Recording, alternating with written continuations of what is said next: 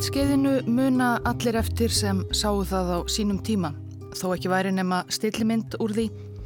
Sjálft myndskeiðið er aðeins rúm mínútaða lengt, tekið með falinni myndbandsöptökuvél.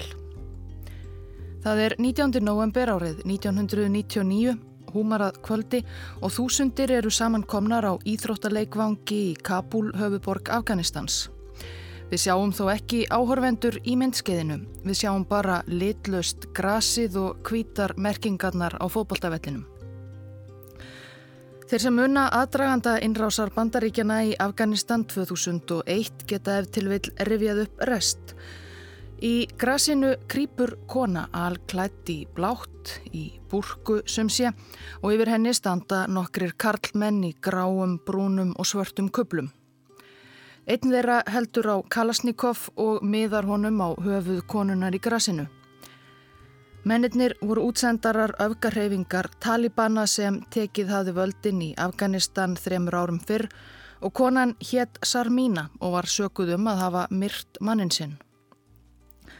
Engu skipti að Sarmína átti sjö börn sem þörnuðust hennar og að fjölskylda eiginmann sinns hafði fyrirgefið henni og beðið henni griða.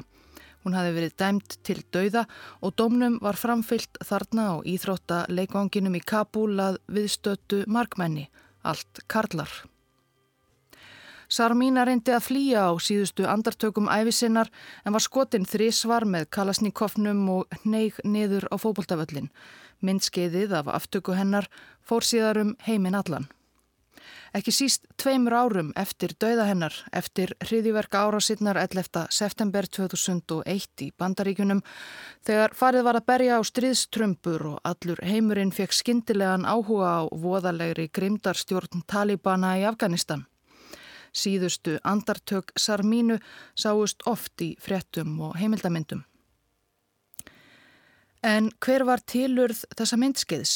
Það var tekið með falinni myndavill í vonum að einmitt vekja heimsbyggðina til vitundar um miskunarleysi Talibana og sér í lagi þá grimd sem þeir síndu afgönskum konum. Sá er hafði á sér földu myndavillina á Íþróttaleikvangin þetta november kvöldi í Kabul var útsendari samtaka sem þarna hafðu barist fyrir réttindum kvenna í Afganistan í meira en tvo áratugi barist fyrir réttindum kvenna hvort sem að við stjórnvölinn í landinu voru kommunistar eða trúarofstækismenn og lagt sig við það í mikla hættu.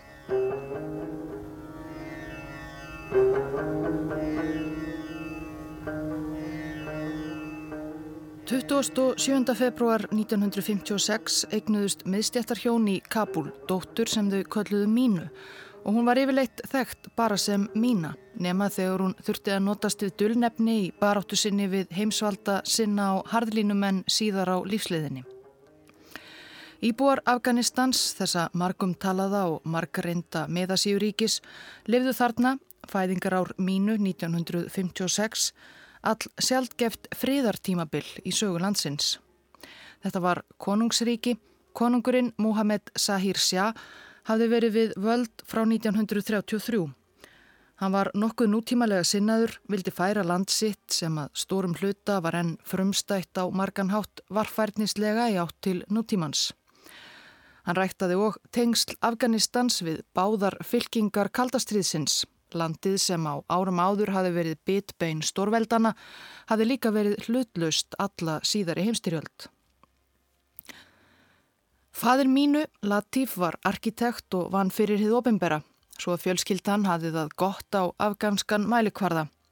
Fjari miðstjættar hverfum Kabulborgar þar sem mína og sískinni hennar ólust upp, bjó svo stór hluti afgönsku þjóðarinnar við sára fátækt.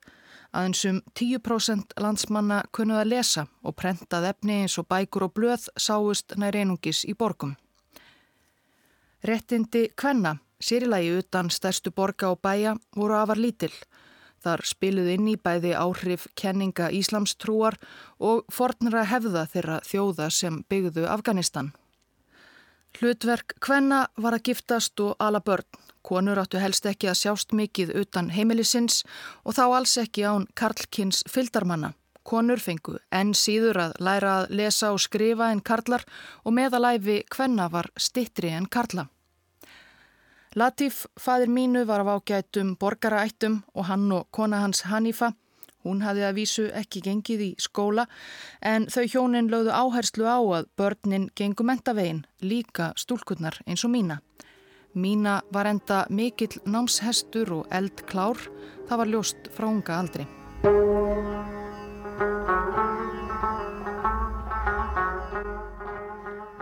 Malalai stúlknaskólinn sem mína gekk í var nefndur eftir einni mestu kvennhetju afganskrar sögu.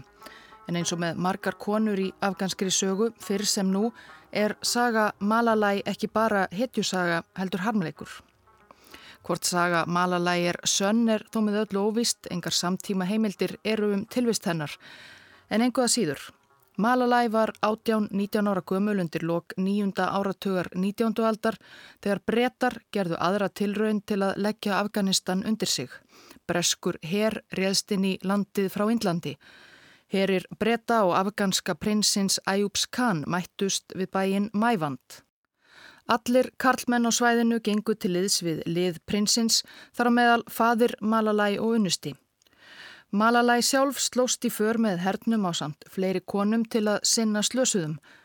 Afgönsku stríðsmennir voru fjölmennari en miklu verbúnir en bresku nýlendu herrmennir og hrundu niður í hrönnum.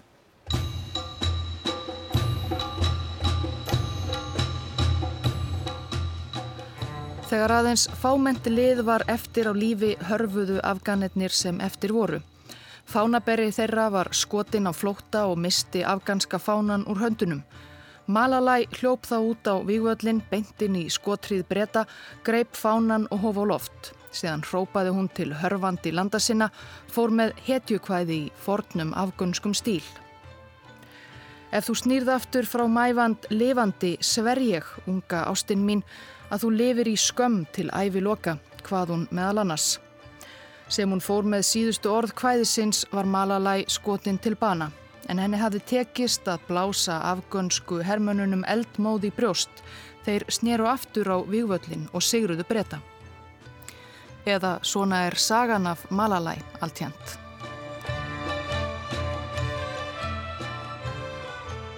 Malalai skólinn var nútímalegur skóli að franskri fyrirmynd Mína og hinnar stúlkunnar lærðu stærfræði, sögu og frönsku, allt það sama á drengirgerðu í drengjaskólum Kabulborgar. Sumar kennslukonurnar huldu hársitt með slæðu en aðrar voru með nýjustu tískuklippingu frá Evrópu og máluðu sig.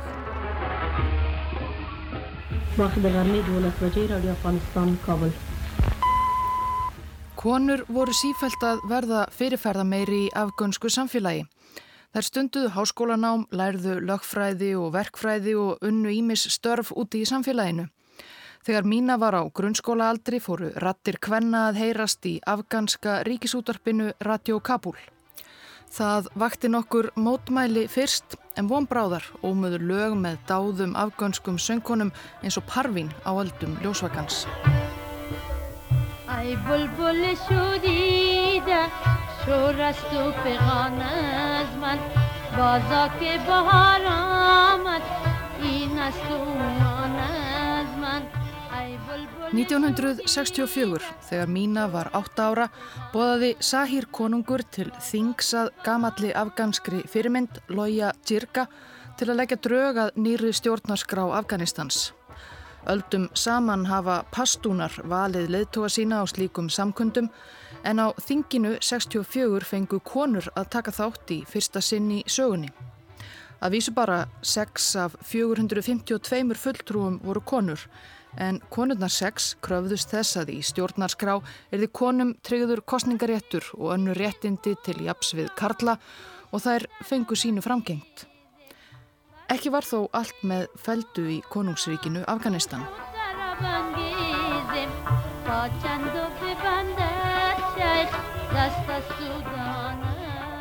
17. júli 1973, þegar Sahir konungur var hjá lækni á Ítalju, notaði frendi hans Mohamed Daoud Khan, prins og hersöðingi, tækifærið til að taka völdin í landinu á samt herliði sem var honum hliðholt. Dád Kahn hafði gengt ennbætti forsætisráð þeirra í áratug 1953 til 63 en það var grund á frændskap þeirra konungs og sá síðar nefndi hafði loks bólað Dád burt og haldið honum frá pólitískum ennbættum meðal annars vegna þess hver hlýðhollur Dád þótti Sovjetiríkunum. Rússar höfðu deilt við breyta um yfiráð í Afganistan á 19. öld og í Moskvu höfðu ráðamenn enn áhuga á að skipta sér af málum í þessu grannríki sínu. Með valdaráninu batt Dád Khan enda á meira en 200 ára gamalt konungsveldið í Afganistan, þó sjálfur væri hann af konungsættum, og stopnaði líðveldi með sjálfan sig sem óum deilanlegan hæstaráðanda, forsetta utaríkisráð þeirra og yfirmann herabla. Stjórnkerfið færði hann í áttað sovjeskri fyrirmynd í samvinnu við afganska kommunista.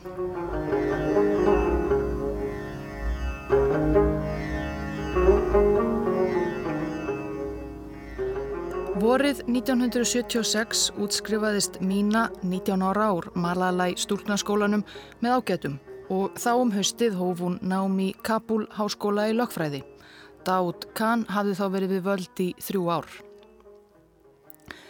Dáð hafði nokkuð fljótt orðið afhuga mjög nánum tengslum við Sovjetiríkin, fannst stórveldið óhóflega áhuga samt um að skipta sér af málefnum Afganistans og vildi heldur halda því í örugri fjarlægð.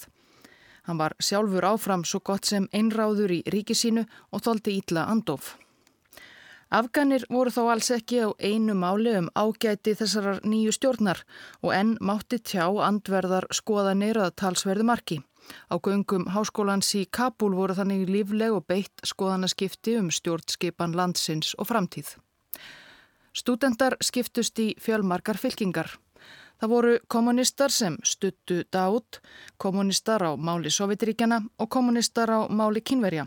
Það voru jafnaðar menn og líðveldisinnar Og það voru þeir sem á síðustu árum hofðu orðið sífælt fyrirferða meiri í afgönsku þjóðfélagi rótækir íslamistar sem vildu koma á íhaldsamri trúarstjórn í landinu. Einn sem hafi verið hvað allræmdastur á háskólasvæðinu í Kabul á 8. áratugnum hétt Gulbutin Hegmatjar, verkfræðinemi.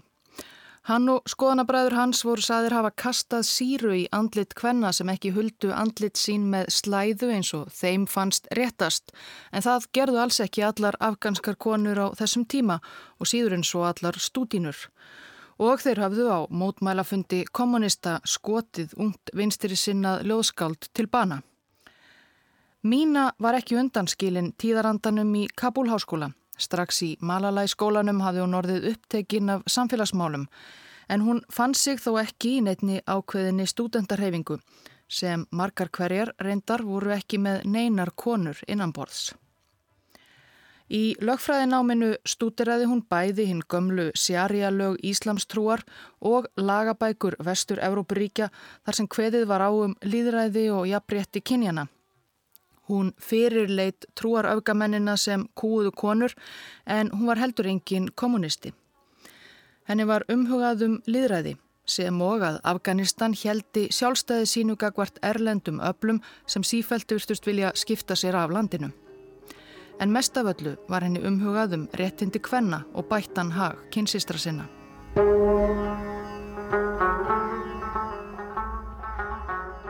Mína var 19 ára þegar hún hóf nám í Kabul háskóla og í raun löngu komin á giftingaraldur með að við afganska mælikvarða þess tíma.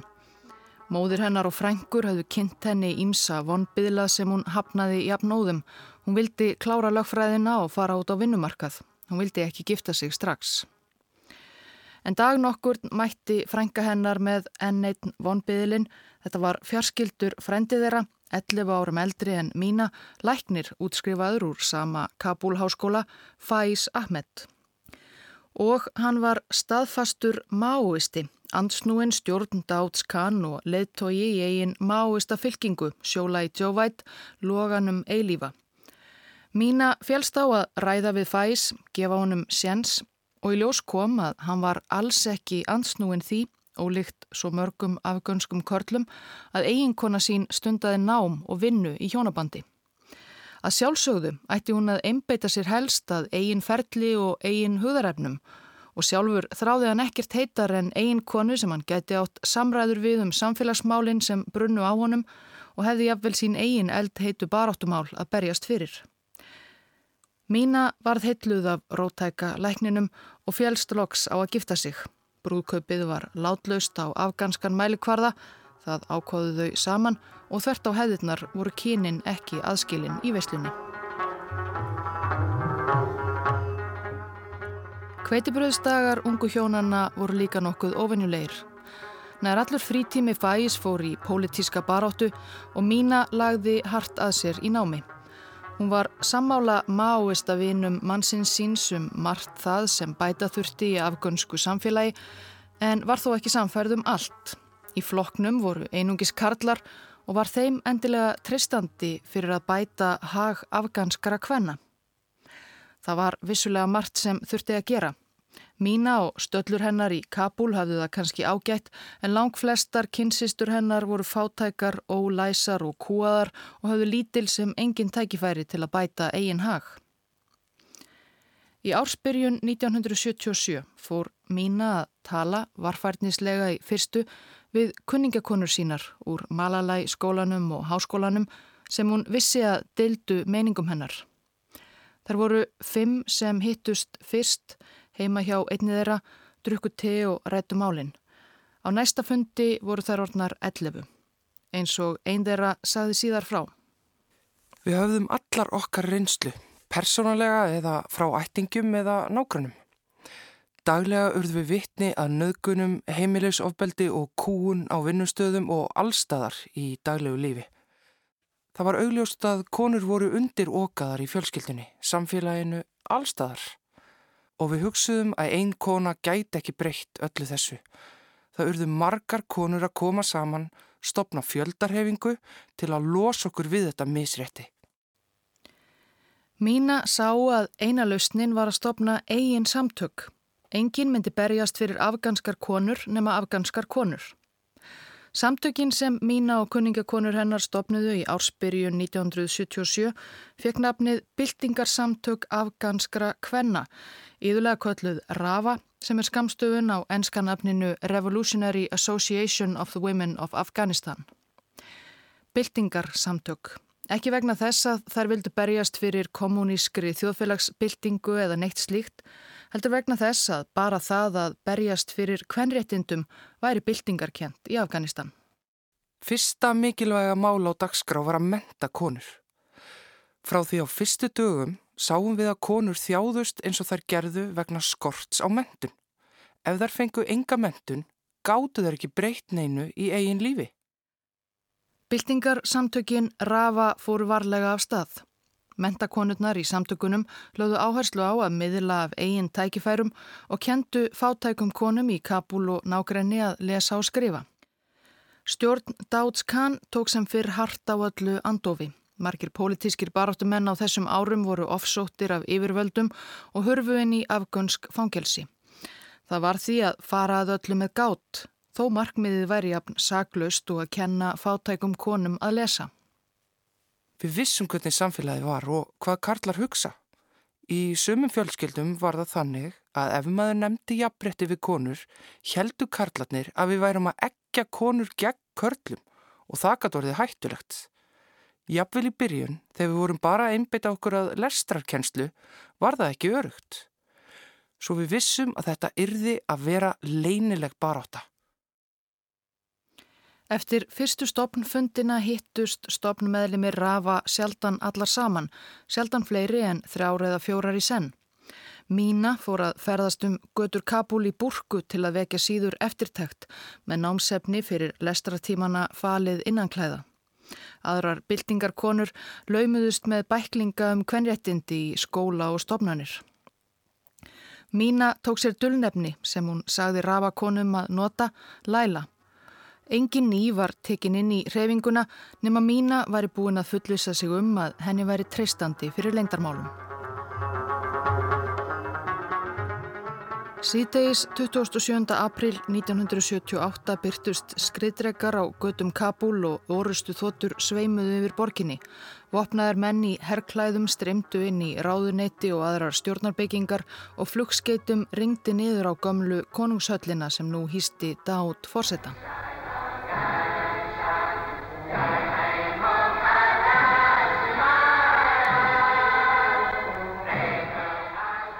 Þegar Dátt tók völdin fimm árum fyrr hafði hann notið stuðnings afganska kommunistaflokksins sem kallaði sig Líðræðisflokk alþýðunar.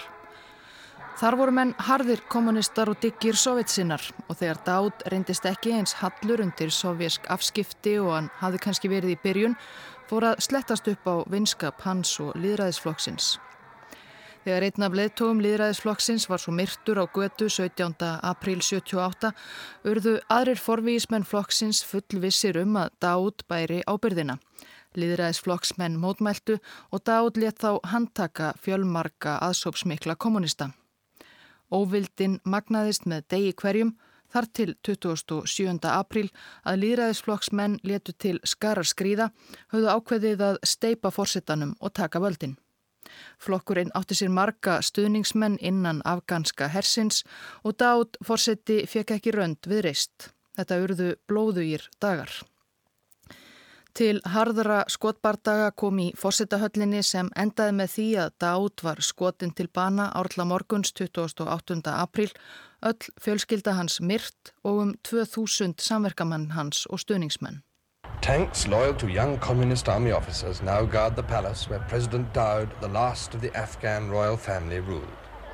Inside, he and his family, including his young grandchildren, were shot dead when his palace guard lost their courageous battle to defend him. Leðtói líðræðisflokks alþýðunar, Núr Muhammad Taraki, listi því yfir í ríkisútarpinu að loksins hefði afgönsk alþýða tekið völdin af harstjórum sínum. Afganska fánanum græna, rauða og svarta var skipt út fyrir raukt flagg kommunista. Hversu stór hluti afganskrar alþýðu var í raun með líðræðisflokksmönnum í liði var hins vegar mjög óljóst, líklega ekki svo stór. Flokkurinn réðist umsvegalust í umfangsmiklar þjóðfélagsbreytingar að sovjískri fyrirmynd, þjóðnýtingu, uppskiptingu, landareikna og fleira. Flokkar ungra kommunista voru sendir út í sveitir landsins til að segja heimamönnum fyrir í verkum í henni nýju skipan, jafnan við lítinn fögnu þeirra sveitamanna á ættbólka leðtoga sem hafðu haft sína hægi í friði kynnslóðum saman. Mörgum fannst tilskipanir stjórnvalda stríða gegn lögum trúarinnar. Stjórn Tarakís og flokksins tók enn harðar á öllu andofi en fyrri fórseti hafi gert. Ekki mátti segja eitt einasta hnjóðs yrði um líðræðislokkin upphátt. Allir sem tilheyrt höfðu eða voru grunnaður um að hafa tilheyrt öðrum pólitískum fylkingum en líðræðisflokknum voru eldir uppi og handteknir. Fjöldi pólitískra fanga í afgönskum fangelsum markfaldaðist á örfáum mánuðum.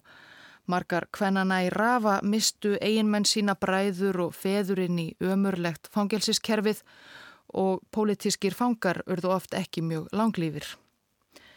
Máistar eins og Fæs, eiginmaður mínu, voru alls ekki vel liðnir og eins og fjöldi annara afgana fóru þau hjónin í felur svo ógnarstjórn Tarakís hefði ekki upp á þeim.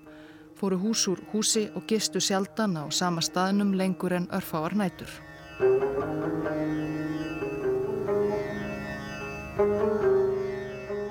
Aðeins örfá mánuðum eftir að Taraki og menn hans í líðræðisfloknum komist til valda voru afganir farnir að grípa til vopna gegn þeim. Menn í sveitum landsins mynduðu víga og skæruleðasveitir til að berjast fyrir sínum heimahéröðum. Tæpu ári eftir valdatöku líðræðisflokksins logaði stór hluti Afganistans í átökum og var í raun ekki lengur á valdi flokksins nemaða nafninu til.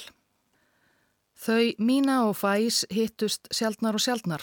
Það var einfallega of áhættu samt en einhvað síður varð mína ólétt. Hún var 22 ára.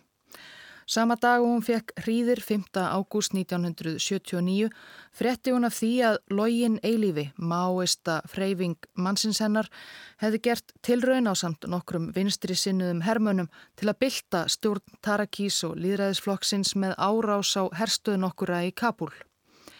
Þetta var bjart sínt plan raunar einlega heimskulega svo. Síðar um daginn, þegar Mína var komin með heilbrygt stúlkubarn sitt í fangið, fekk hún að vita að Valdaráns tilraunin hefði mistekist og Fæs væri í fangelsi. Hann slapp reyndar þaðan út nokkur síðar en honum var ekki stætt í Afganistan lengur. Hann flúði yfir landamærin til Pakistans, sumuleið og margir landar hans gerðu í þúsundatali. Mína létt litlu dóttur sína í hendur vinkonu sinnar og sýstur í Rafa. Hún hafði ekki tök á að sinna unga barni. Baráttan var sífælt að harna.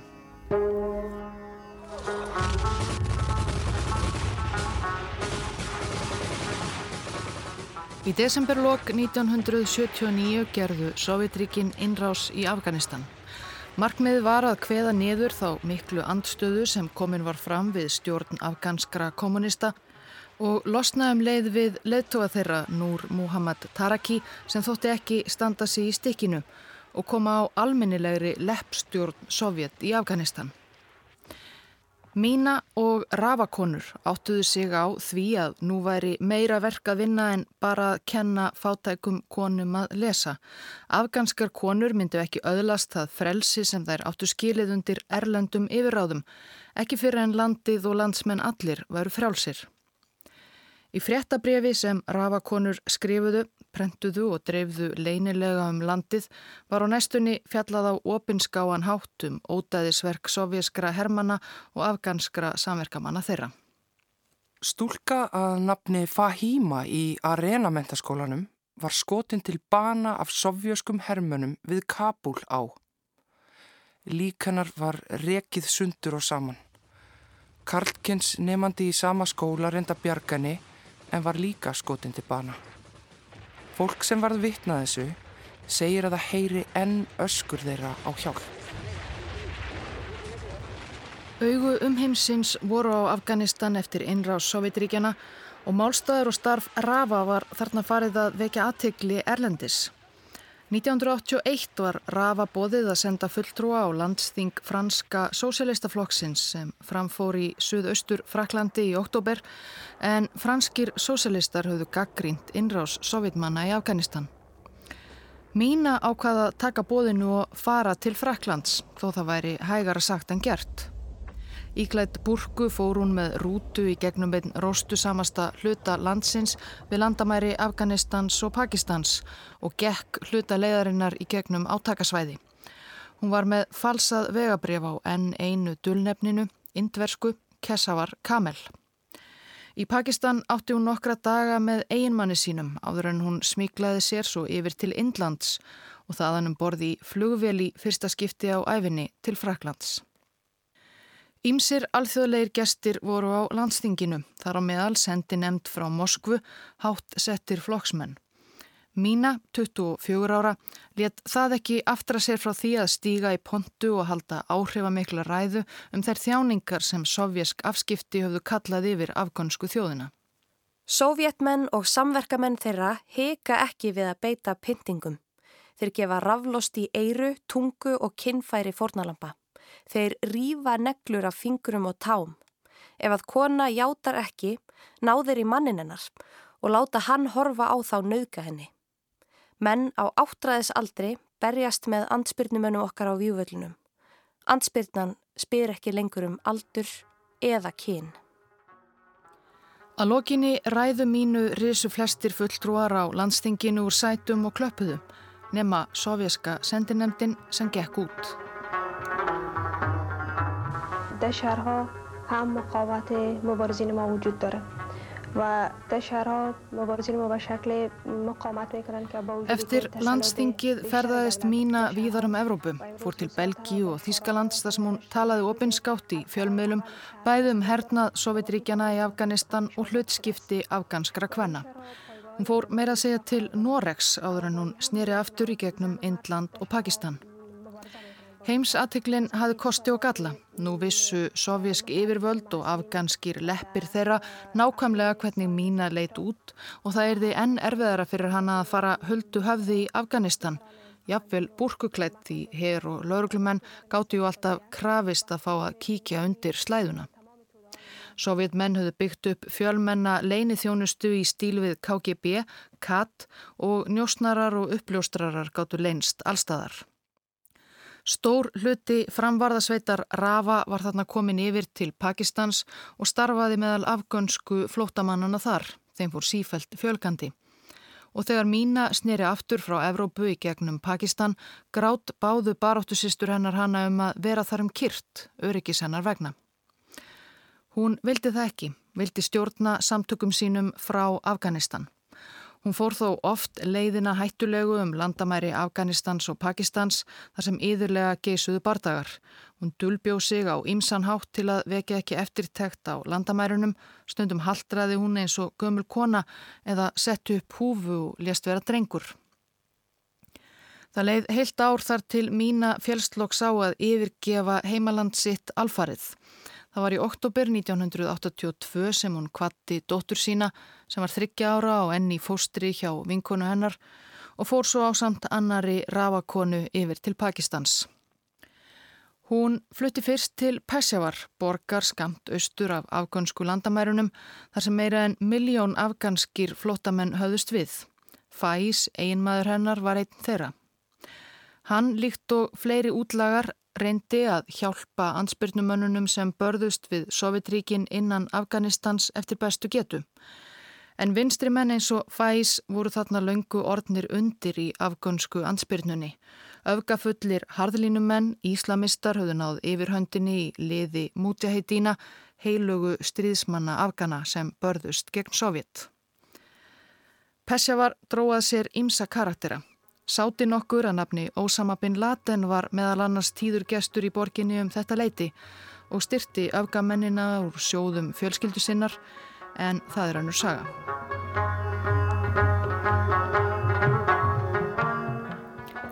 Ofríki ofstækismannana í Pesjavar gerði það líka verkum að kvenréttinda konurnar í Rafa gáttu lítið aðtapnað sig þar. Mína þurfti því að hveðja eiginmannin en eina ferðina og hún og hópur rafakvenna fluttu til Kvetta, annarar landamæra borgar, þar sem einnig var að finna mörg hundru þúsund bástatra afganskra flottamanna en andrumsloftið var örlítið frjálsendara.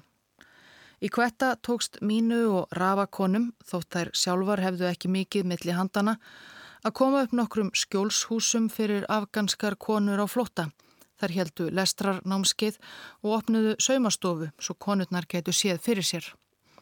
Sala á saumaskap þeirra gerði þeim líka kleift að færa út starfsemina. Rafa setti næst á fót eins konar munaðaleysingja heimili. Það var nóg af foreldralausum flottabörnum á rakhólum allt í kringum þær. Íslamsku ansbyrnuhópanir höfðu sömuleiði sett á stopn skóla fyrir drengi í flottamannabiðunum þar sem þeim var kent öfgafull trúartúlkun og þeir þjálfaðir í hernaði. Rafa vildi berjast gegn þess konar innrætingu og í kennslustundum Rafa lærðu flotta börnin um afganska sögu, líðræði og jafnrétti kynjana. Þó svo að þau ættu sameinlegan óvinn í Sovjetríkunum andaði ísköldu milli kvennana í Rafa og öfgafullu ansbyrnumannana. Mína kallaði þá kvennhatara, andstæðinga, líðræðis og siðmenningar, hríðiverkamenn og handbendi útlendinga. Á móti kölluðu þeir rafakonur, kommunista, lesbíur og hórur. Konunum bárust stöðugar morðhótanir og þær voru grítar á gödumóti.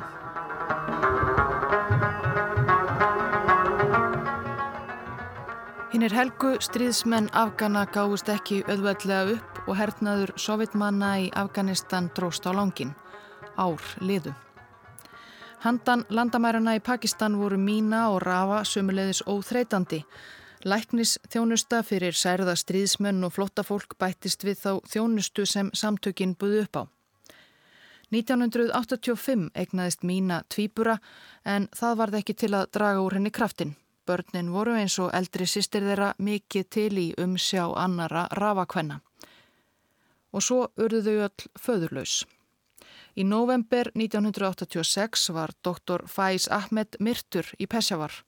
Lík hans fannst aldrei en hann sást aldrei meir og morðingjar hans sterðu sig stoltir af ótaðisverki sínu. Þeir voru á vegum manns sem hafi verið skólabróðir Faiz á árum áður, verkfræðinemans Gulbatins Hegmatjar sem hafi fyrst orðið allræmdur fyrir að kasta síru í andlit hvenna í Kabulháskóla. Hann var þarna orðin einn af máttugustu og öfgafylstu stríðsherrunum á landamærum Afganistans og Pakistans. Mína tjáði sig ekki mikið um andlát einmannsins. Hún kastaði sér í vinnu sem aldrei fyrr. Næst á dagskrá var að opna heilan spítala á landamærunum sem heita átti Malalai spítali eins og afganska kvenhetjan úr stríðinu við bretta og gamli skólinn hennar mínu þar sem hún hafi fyrst orðið upptekinn af jafnbrettis og samfélagsmálum. Það ráttu afganskar konur og afgansk börn að geta fengið ókeppis meðferð við sárum sínum og sjúkdómum.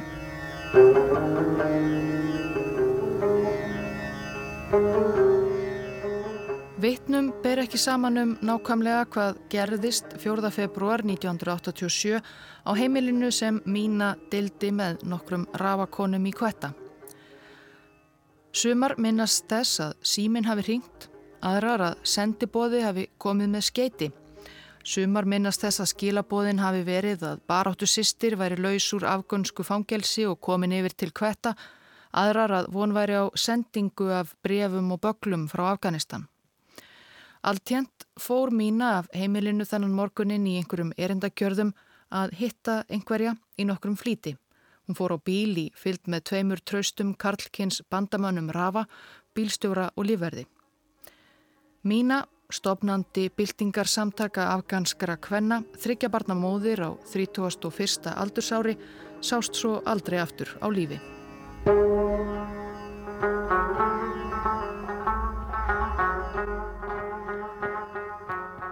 Mína snýri ekki aftur á heimilið í kvetta.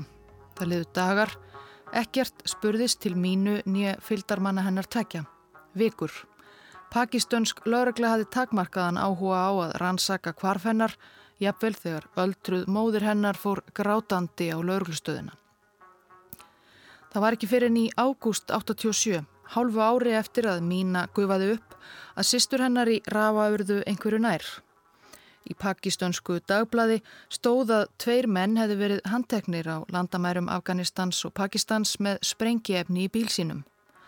Við yfirherslu mögulega pyntingu, játuðu þeir að hafa orðið konu og tveimur körlum að bana í kvetta hálfu ári áður, mínu og fyldarmönnum hennar.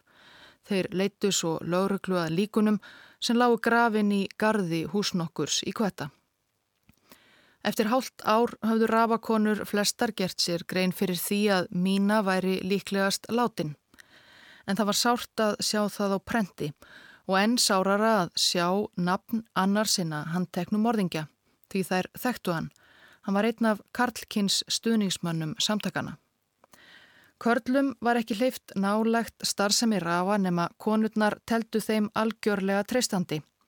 En Ahmed Sultan var bróðir hátsettrar konu í samtökunum sem ábyrðist hann.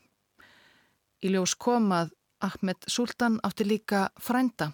Það var hinn morðingin sem var í vægasagt vafasumum félagskap. Frændi þessi var bendlaður bæði við afgönsku leinithjónustuna Harsvíruðu Katt og samtök Gúlbatins Hegmatjars.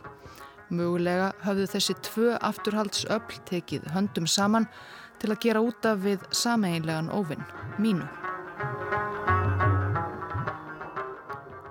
Sovjetríkin hörfuðu loks frá Afganistan 1989.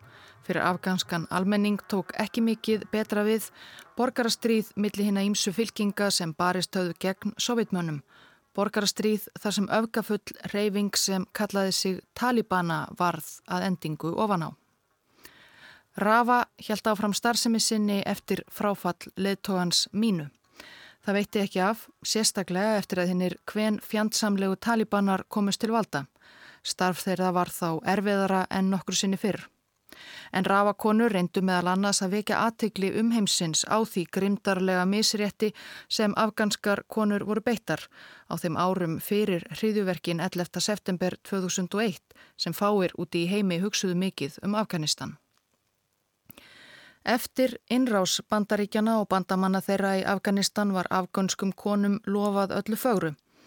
Það fór sem fór, en er þörf fyrir byltingarsamtök afganskra kvenna og að samtökinn halda enn minningu stopnandans á lofti, mínu píslarvottarins sem gaf æsku sína og líf í baróttuna. Á vef samtakana má finna lög henni til heiðurs og ljóðin sem hún sjálf samti. Ég er kona sem er vöknuð. Ég hef risið upp og magnast upp í stormi, upp úr ösku brendra barnamenna. Ég hef risið upp úr blóðtaumi bróður míns. Ég hef brotið hlekkina á fótum mínum. Ég hef opnað lokaðar dyr fávísinnar. Ég hef sagt skilið við allt gullið glingur. Bróðir, ég er ekki svo sem ég var. Ég er kona sem hefur vaknað. Ég hef fundið mína leið og ég sný aldrei aftur. Bróðir lítu ekki lengur á mig sem veika og vanhæfa. Af öllum mínum krafti er ég með þér á leiðinni til frelsis lands okkar. Bróðir, ég er ekki lengur svo sem ég var, ég er kona sem er vöknuð. Ég hef fundið mína leið og ég sný aldrei aftur. Mína!